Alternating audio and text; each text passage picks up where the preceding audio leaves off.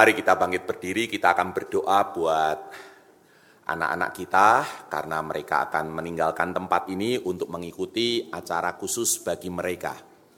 Bapa di surga, kami akan menerima firman-Mu.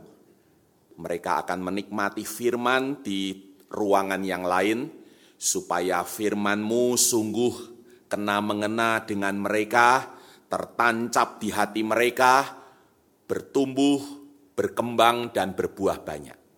Demikian pun kami yang ada di tempat ini, kami arahkan hati, pandangan kami kepada Tuhan, sehingga oleh karya roh kudusmu, kami boleh melihat apa yang tidak nampak oleh mata jasmani kami, yaitu kemuliaanmu ya Tuhan. Dan kami boleh mendengar apa yang tidak dapat didengar oleh telinga lahiriah kami, yaitu suaramu yang menyapa kami, memberikan kepada kami semangat yang baru, membangkitkan asa kami, dan memulihkan jiwa kami. Ya Bapa, berfirmanlah dan jadikanlah kami pelaku-pelaku kebenaranmu. Demi nama Tuhan Yesus kami berdoa. Amin. Selamat sore, saudara-saudara sekalian. Senang sekali bisa bertemu dalam kesempatan yang indah ini.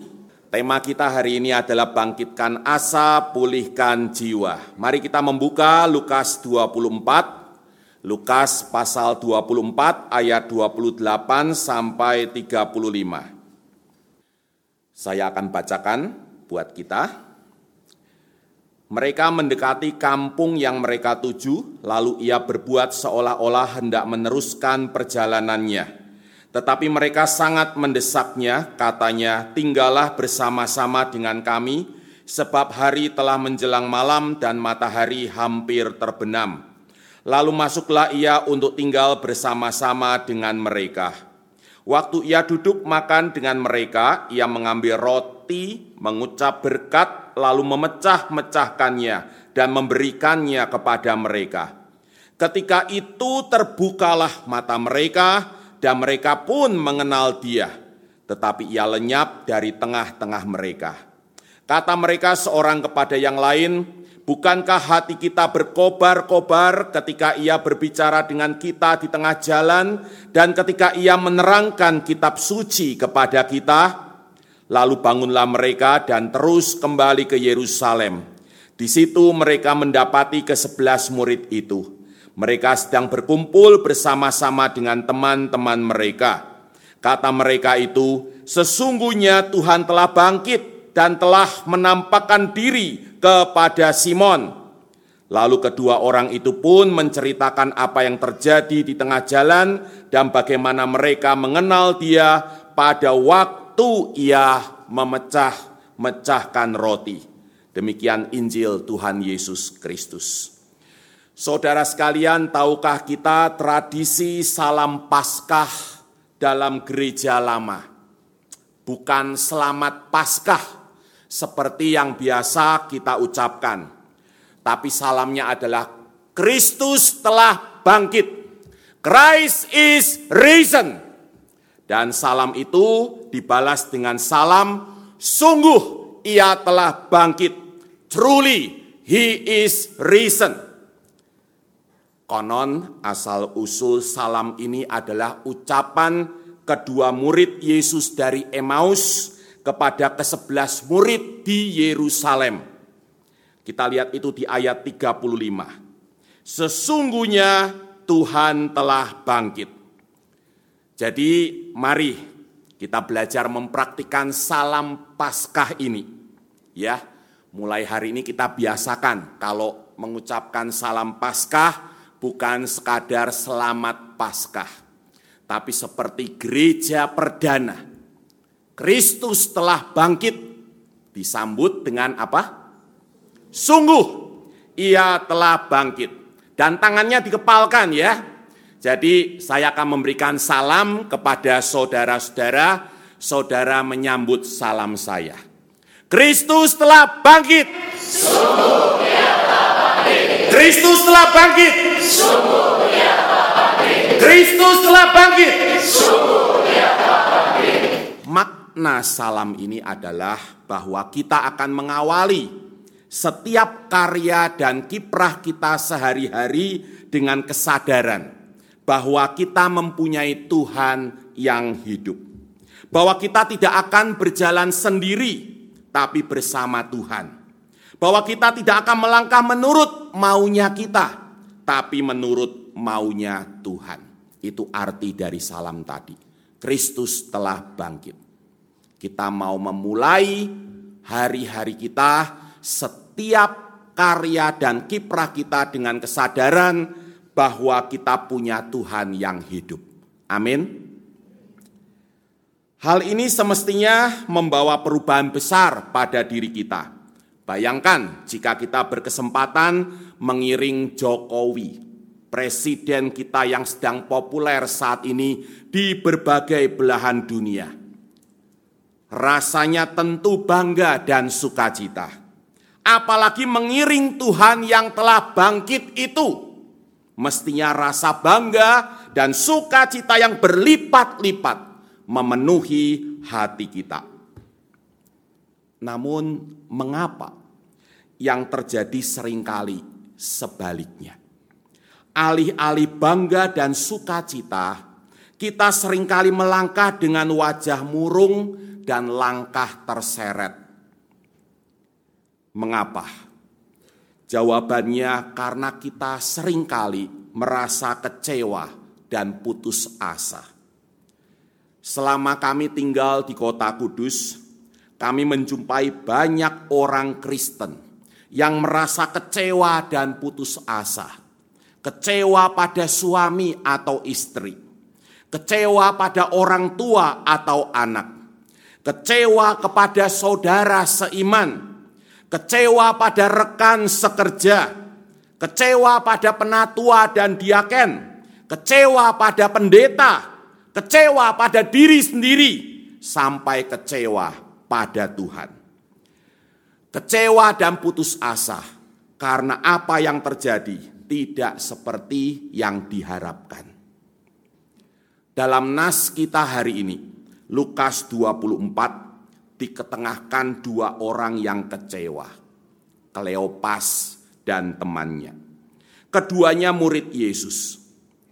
Mengapa mereka kecewa? Karena sosok yang mereka harapkan untuk memerdekakan dan membarui negeri mereka, sosok yang mereka harapkan menjadi ratu adil bagi mereka, akhirnya mati secara mengenaskan dan hina, disalib. Orang yang disalib itu artinya dia tidak punya tempat di mana-mana Bumi menolak dia. Langit menutup pintu kepadanya. Itu artinya orang yang disalib. Dia tidak punya tempat di bumi dan di langit. Salib adalah hukuman yang paling hina, sekaligus paling mengerikan. Ya. Maka pupuslah harapan mereka dan kecewalah mereka Kata mereka, dia adalah seorang nabi yang berkuasa dalam pekerjaan dan perkataan di hadapan Allah dan di depan seluruh bangsa kami. Tetapi imam-imam kepala dan pemimpin-pemimpin kami telah menyerahkan dia untuk dihukum mati. Dan mereka telah menyalibkannya. Padahal kami dahulu mengharapkan bahwa dialah yang datang untuk membebaskan bangsa Israel. Tetapi sementara itu telah lewat tiga hari sejak semuanya itu terjadi. Kita baca itu di ayat 19 sampai 21. Harapan mereka kandas, sosok yang mereka harapkan sudah mati, maka kecewalah mereka. Dan di sini kita diajak untuk menyadari semakin besar harapan seseorang terhadap sosok atau pihak tertentu, semakin besar kecewanya ketika harapan itu tidak terpenuhi. Kalau kita mau berharap pada manusia, siap-siap saja kecewa. Siapa pun dia, siapa pun dia. Tenggelam dalam rasa kecewa. Kedua murid itu tidak dapat percaya kepada berita yang dibawa oleh para perempuan dari kubur Yesus bahwa Yesus hidup. Buktinya tertulis di ayat 13. Mari kita mundur sedikit ke ayat 13. Pada hari itu juga, yaitu pada hari ketiga, kendati telah mendengar berita bahwa Yesus hidup, keduanya tetap pergi meninggalkan Yerusalem ke Emmaus yang berjarak kira-kira 7 mil atau 11 kilometer. Bayangkan ya, berjalan sejauh itu 11 kilometer. Mereka bahkan tidak sanggup mengenali sosok Yesus yang berjalan bersama dan bercakap-cakap dengan mereka. Mengapa? Karena mereka tenggelam dalam rasa kecewa. Tenggelam dalam rasa kecewa membuat kita pesimis dan tidak mampu melihat dan merasakan kehadiran Tuhan dalam hidup kita. Kita menolak berita, sebaik apa pun berita itu, karena kita tidak mau tambah kecewa, dan kita tidak lagi peka terhadap gerakan dan kegerakan Allah dalam hidup kita itu ciri orang yang kecewa. Dia tidak lagi peka terhadap gerakan dan kegerakan Allah di tengah kehidupannya. Namun puji Tuhan, Tuhan yang telah bangkit itu tidak mau murid-muridnya berakhir demikian. Dihampirinya mereka, disapanya mereka, didengarkannya keluh kesah mereka, pupusnya asa dan harapan mereka. Lalu ditegurnya kebodohan dan kelambanan hati mereka untuk percaya kepada pemberitaan para nabi tentang jalan hidup Sang Mesias. Perhatikan di ayat 26, Yesus di sana menyatakan jalan hidup Sang Mesias, bahwa Mesias harus menderita semuanya itu untuk masuk ke dalam kemuliaannya dijelaskannya apa yang tertulis tentang dirinya dalam seluruh kitab suci. Dijelaskannya bahwa benang merah dari seluruh kitab suci adalah dirinya. Dengan demikian, hati kedua murid itu kembali berkobar-kobar, kembali bergairah. Jiwa mereka dipulihkan kita lihat itu di ayat 32, mereka sendiri berkata demikian, Bukankah hati kita berkobar-kobar ketika ia berbicara dengan kita di tengah jalan dan ketika ia menerangkan kitab suci kepada kita? Harapan mereka mulai bangkit. Lalu setibanya di kampung Emmaus yang mereka tuju. Yesus menerima tawaran mereka untuk tinggal dan makan bersama mereka malam itu. Dan akhirnya kita tahu, sebagai klimaks dari penyataan dirinya sebagai Tuhan yang telah bangkit, Yesus mengambil roti, mengucap syukur atasnya, memecah-mecahkannya, dan memberikannya kepada mereka. Ketika itulah Alkitab mencatat, ketika itulah mata mereka terbuka dan mereka mengenali siapa sesungguhnya teman misterius mereka sepanjang 11 kilometer itu. Tuhan yang telah bangkit. Benar saudaraku, bangkitnya harapan membuat kita kembali optimis dan mampu melihat dan merasakan kehadiran Tuhan dalam hidup kita.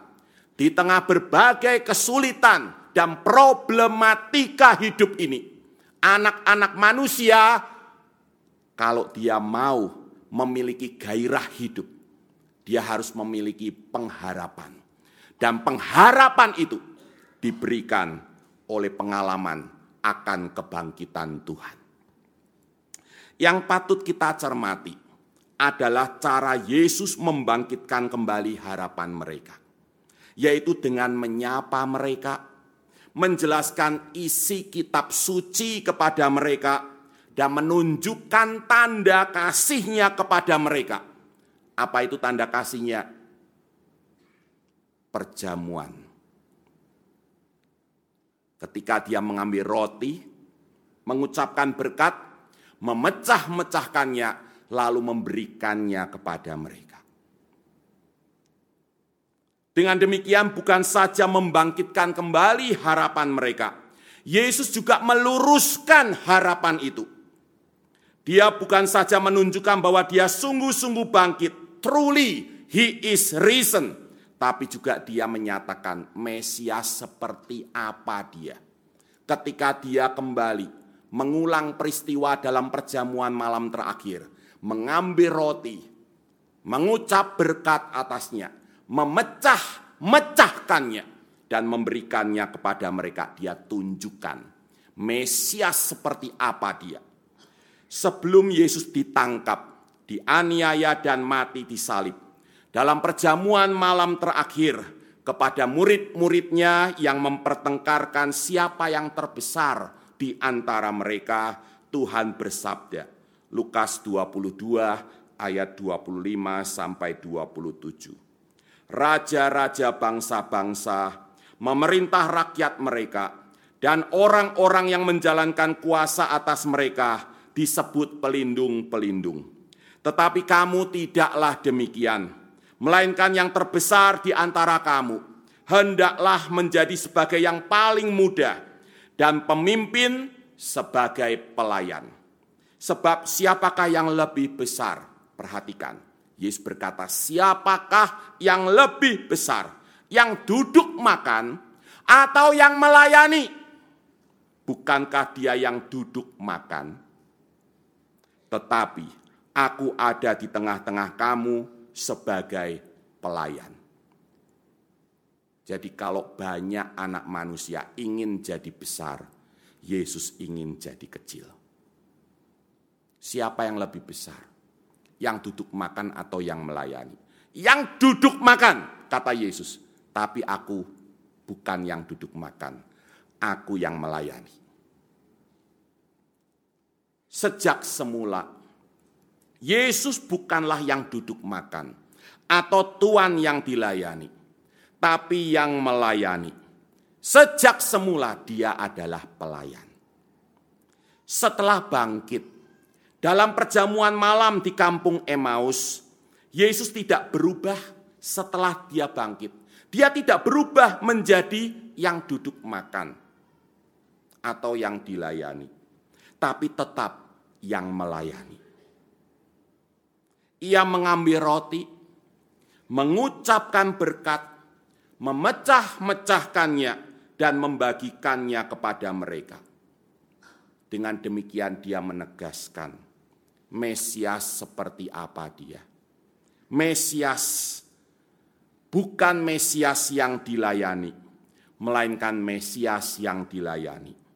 Dan oleh ciri itulah, oleh ciri itulah Yesus akhirnya dikenali oleh kedua muridnya. Karena dia bukan yang duduk makan. Dia yang melayani. Saudara sekalian, bukan sekadar membuktikan kebangkitannya. Pemecahan roti itu memaknai kebangkitannya. Apa artinya Tuhan telah bangkit? Artinya dia senantiasa hadir di tengah umatnya sebagai bukan yang duduk makan, tapi yang melayani. Bukan cuma membangkitkan asa mereka, pemecahan roti malam itu di kampung Emmaus juga membarui jiwa atau semangat kemuritan mereka. Apa arti mengiring Yesus? Artinya adalah meneladani Sang Tuhan, hadir di tengah umat manusia, bukan sebagai yang duduk dan dilayani, tapi sebagai yang melayani. Itu sebabnya kedua murid malam itu juga bergegas kembali ke Yerusalem dengan semangat menyala-nyala 11 km sudah mereka tempuh. Sekarang 11 km lagi mereka kembali ke Yerusalem. Tapi dengan jiwa yang baru, yang telah dipulihkan oleh perjumpaan dengan Tuhan yang telah bangkit. Mereka menemui ke sebelas murid lainnya dan menyampaikan berita yang kemudian menjadi asal-usul salam Paskah yang menggetarkan hati tadi. Sesungguhnya Tuhan telah bangkit. Itu semangat sejati Paskah. Saudara sekalian, jika Tuhan yang telah bangkit senantiasa hadir di tengah kita umatnya sebagai yang melayani, bukan yang duduk makan. Maka tidak ada alasan bagi kita untuk larut dalam rasa kecewa pada siapa pun atau apa pun. Jika apa yang terjadi tidak seperti yang kita harapkan, itu bukan saatnya untuk kecewa atau putus asa. Sebaliknya, untuk tetap bersandar dan berharap pada Tuhan yang telah bangkit, yang senantiasa hadir sebagai yang melayani, bukan yang dilayani. Cory ten Boom pernah berkata, apabila kereta api melewati terowongan, dan sekitarnya menjadi gelap, apakah Anda akan melompat? Sudah tentu tidak. Saudara harus tetap duduk dan mempercayakan diri saudara pada masinis yang akan membawa saudara keluar dari kegelapan itu. Murid-murid telah mengalami paskah. Paskah artinya sudah lewat. Kegelapan sudah lewat fajar kebangkitan telah terbit. Jika kita sebelumnya kecewa pada orang-orang tertentu, mereka menjadi harapan kita, dan apa yang kita harapkan ternyata tidak menjadi kenyataan. Bahkan mungkin orang-orang yang membuat kita kecewa itu adalah anggota-anggota keluarga kita sendiri. Sekarang saatnya, dalam terang firman kebangkitan Tuhan. Sekarang saatnya kembali berharap atas mereka. Atas orang-orang yang telah mengecewakan kita. Berharap akan terjadinya pembaruan dalam diri dan hidup mereka. Dari ketiga anak orang tua kami, ada masa di mana saya, anak kedua, saya punya kakak seorang perempuan, adik laki-laki. Saya sebagai anak kedua seakan tidak dapat diharapkan dan dibanggakan. Sementara iman dan kiprah kekristenan dari papi mami dan kedua saudara saya semakin tumbuh dan berkembang, saya justru semakin menjauh dari keluarga dan Tuhan. Kakak adik saya sejak remaja sudah giat melayani. Melayani di gereja, melayani di tengah keluarga, bahkan di tengah masyarakat. Adik saya sejak remaja sudah menjadi guru yang mengajar uh, di sekolah-sekolah yang miskin, yang anak-anaknya dari keluarga yang tidak mampu. Saya sebaliknya, jarang ke gereja, jarang berdoa, apalagi baca Alkitab.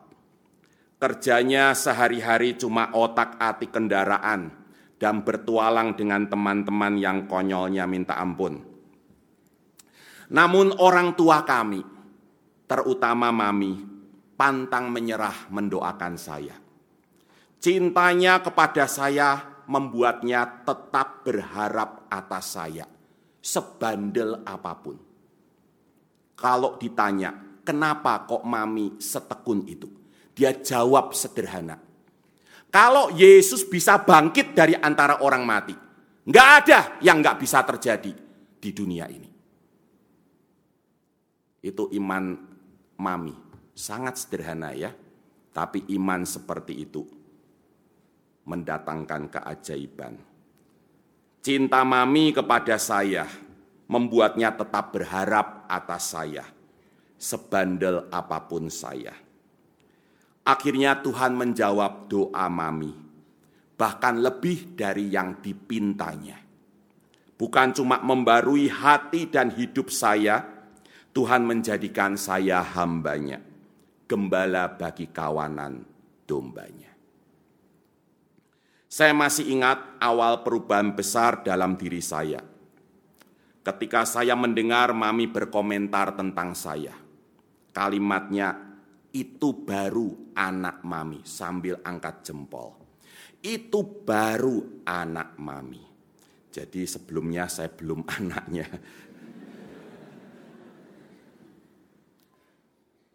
Bukan maksudnya demikian ya, itu sebuah pujian. Apa sih yang saya lakukan saat itu sampai mami berkomentar demikian? Itu baru anak mami. Bukan perkara besar. Bukan memimpin KKR. Bukan berkhotbah di acara besar seperti ini masih jauh dari itu. Saat itu apa yang saya lakukan cuma berdoa. Saya mulai rutin berdoa sebagai proyek ketaatan KTB. Berdoa. Bab berapa itu?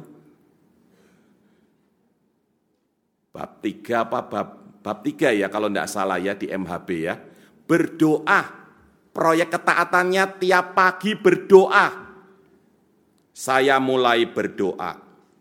Apa yang sebelumnya nyaris tidak pernah saya lakukan. Melihat saya mulai rutin berdoa, Mami berkomentar, itu baru anak Mami. Setiap kali ingat ucapan itu, saya terharu Mami ingin sekali saya anaknya menjadi diri saya yang terbaik. Bukan seperti kakak saya, dia jauh lebih pintar dari saya.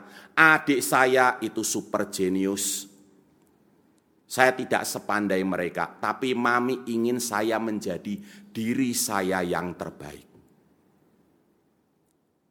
Karena itu mami tekun dan pantang menyerah mendoakan saya. Jika Yesus bisa bangkit.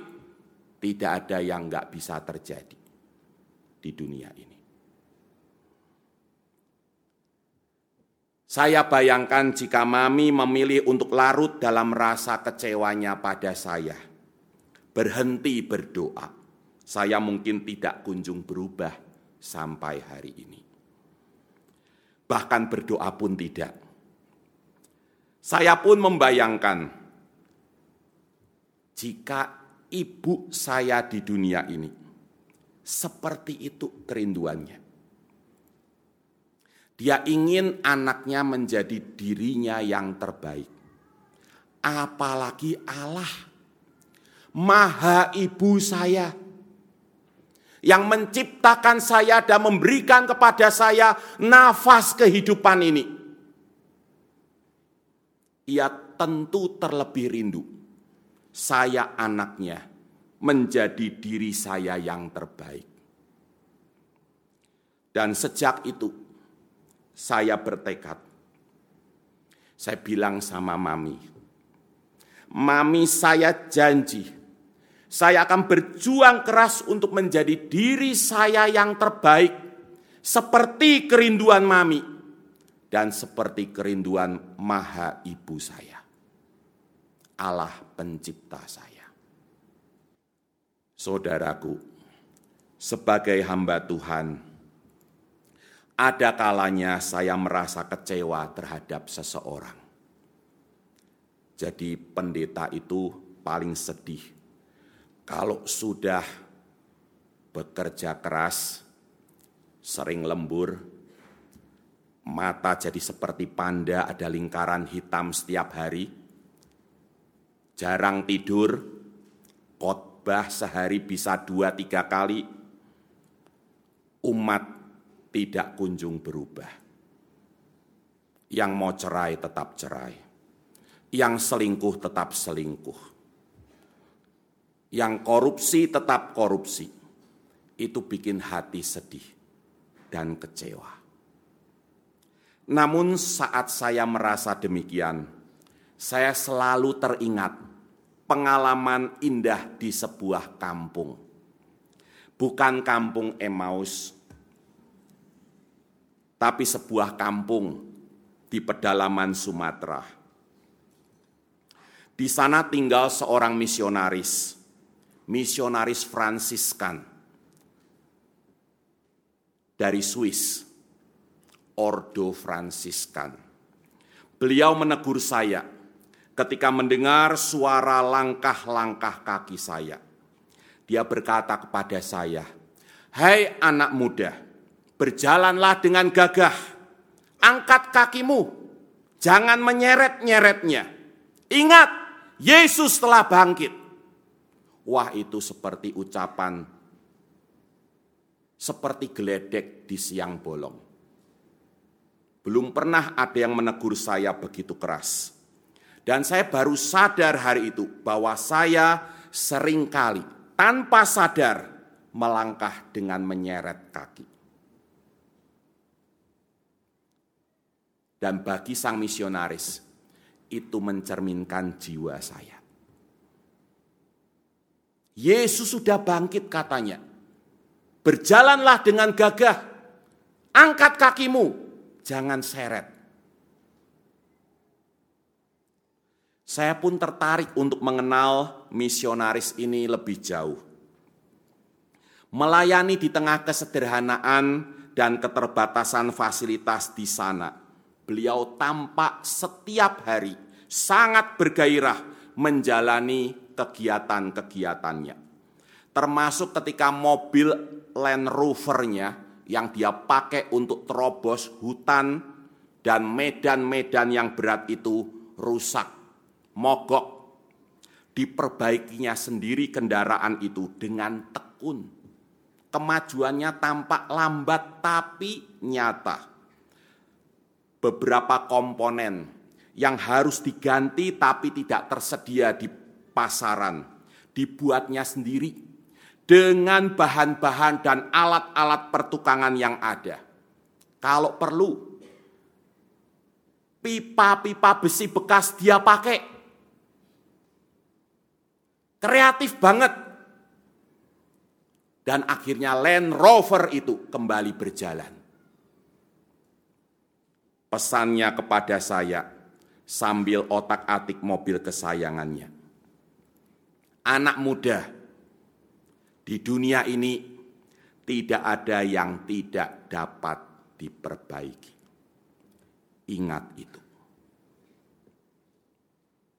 Di dunia ini tidak ada yang tidak dapat diperbaiki. Selama beberapa hari di kampung itu, bukan di kota, saya merasa sedang bersama Tuhan yang telah bangkit. Dia membangkitkan kembali harapan saya atas orang-orang yang telah mengecewakan saya. Singkat cerita, saya pun akhirnya kembali ke kota, kembali ke gereja dengan semangat menyala-nyala. Dan saya bertekad mulai hari ini saya tidak boleh lagi kecewa kepada siapa pun atau apa pun karena Tuhan telah bangkit.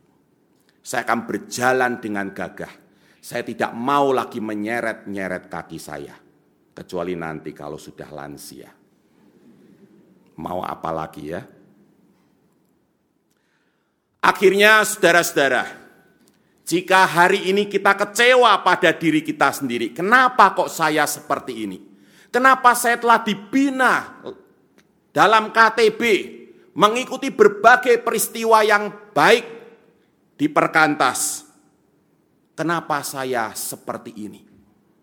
Maka sekarang saatnya kita segera berbenah diri. Karena tidak ada di dunia ini yang tidak dapat diperbaiki. Mari kita berjuang memerangi diri kita yang sedang putus asa, kecewa dengan diri sendiri. Tidak ada kata terlambat untuk bertobat, dan tidak ada kata tidak bisa untuk usaha. Seperti syair lagu Ebit GAD. Saya suka lagu-lagunya ya. Salah satu yang saya suka itu untuk kita renungkan. Suara saya tidak indah tapi kira-kira bunyinya demikian. Kita mesti berjuang memerangi diri, bercermin dan banyaklah bercermin. Tuhan ada di sini, di dalam jiwa ini. Berusahalah agar dia tersenyum. Berusahalah agar dia tersenyum. Saya suka sekali lagu ini, terutama kalimat terakhir. Berusahalah agar dia tersenyum. Kedua murid pergi ke Emmaus dengan putus asa, kecewa, dan jiwa yang loyo. Tapi oleh perjumpaan dengan Tuhan yang telah bangkit, mereka kembali dari Emmaus ke Yerusalem dengan berita yang mengguncangkan hati. Tuhan sungguh telah bangkit. Amin apa yang bisa kita lakukan untuk negeri kita harus kita mulai dengan diri kita sendiri. Kerjakan tanggung jawab kita, semua tugas yang baik yang selama ini Tuhan percayakan kepada kita. Kerjakan hal-hal yang sama, yang baik itu setiap hari tapi dengan semangat yang baru, dengan jiwa yang baru, dengan gagah angkat kaki, jangan seret, karena Tuhan sudah bangkit. Karena kita percaya bahwa segala jerih lelah untuk tujuan yang baik takkan sia-sia. Saya tutup dengan kisah dari Afrika Selatan Nelson Mandela, kita tahu dia presiden kulit hitam pertama di Afrika Selatan. Dia telah mengalami sebelumnya perlakuan yang buruk, jahat, dan keji dari para penguasa kulit putih ketika rezim apartheid masih berkuasa. Sekarang Mandela yang berkuasa Apakah dia membalas segala kejahatan itu kepada musuh-musuhnya? Tidak. Dia rangkul mereka. Dia jadikan mereka menteri-menterinya. Dan ketika kaum kulit hitam mau menyatakan kemarahan mereka kepada kaum kulit putih, Mandela pasang badan, langkai dulu saya. Maka ada seorang jurnalis yang bertanya kepadanya, "Kenapa Bapak melakukan semua ini?" Mandela jawab sederhana, "Tanyalah kepada guru sekolah mingguku." Itu jawabannya. Si jurnalis pikir dia bakal menjawab dengan prinsip-prinsip yang luhur, dengan dogma-dogma yang keren, ternyata jawabannya tanya saja kepada siapa? Guru sekolah mingguku. Kenapa Mandela membalas kejahatan dengan kebaikan? Karena firman itu sudah ditanamkan dan ditancapkan di hatinya yang paling dalam oleh guru sekolah minggunya. Jangan balas kejahatan dengan kejahatan. Balaslah kejahatan dengan kebaikan. Dengan demikian engkau menjadi anak-anak dari Bapamu yang di sorga. Amin. Dalam sebuah diskusi lintas iman, saya pernah ditanya, apa bedanya kematian orang Kristen dengan orang yang beragama lain? Saya jawab, bagaimana agamamu memandang kematian Saya tidak berhak menilai. Tapi saya bisa katakan bagaimana iman Kristen saya memandang kematian. Bagi orang Kristen, kehidupannya lebih besar daripada kematiannya. Kematian itu ditelan oleh kehidupan. Orang Kristen seperti yang lain menangis ketika orang yang dicintainya mati. Tapi kami menangis bukan karena kematiannya. Kami menangis karena harus berpisah dengannya. Di sisi lain, kami bersuka cita karena kematiannya telah ditelan oleh kehidupannya. Karena Kristus telah bangkit. Kehidupan anak Tuhan lebih besar daripada kematian. Kematian itu akan ditelan oleh kehidupan. Arahkan hatimu kepada Tuhan dan terimalah berkatnya. Tuhan memberkati engkau dan melindungi engkau. Tuhan menyinari engkau dengan wajahnya dan memberi engkau kasih karunia. Tuhan menghadapkan wajahnya kepadamu dan memberi engkau damai sejahtera. Amin.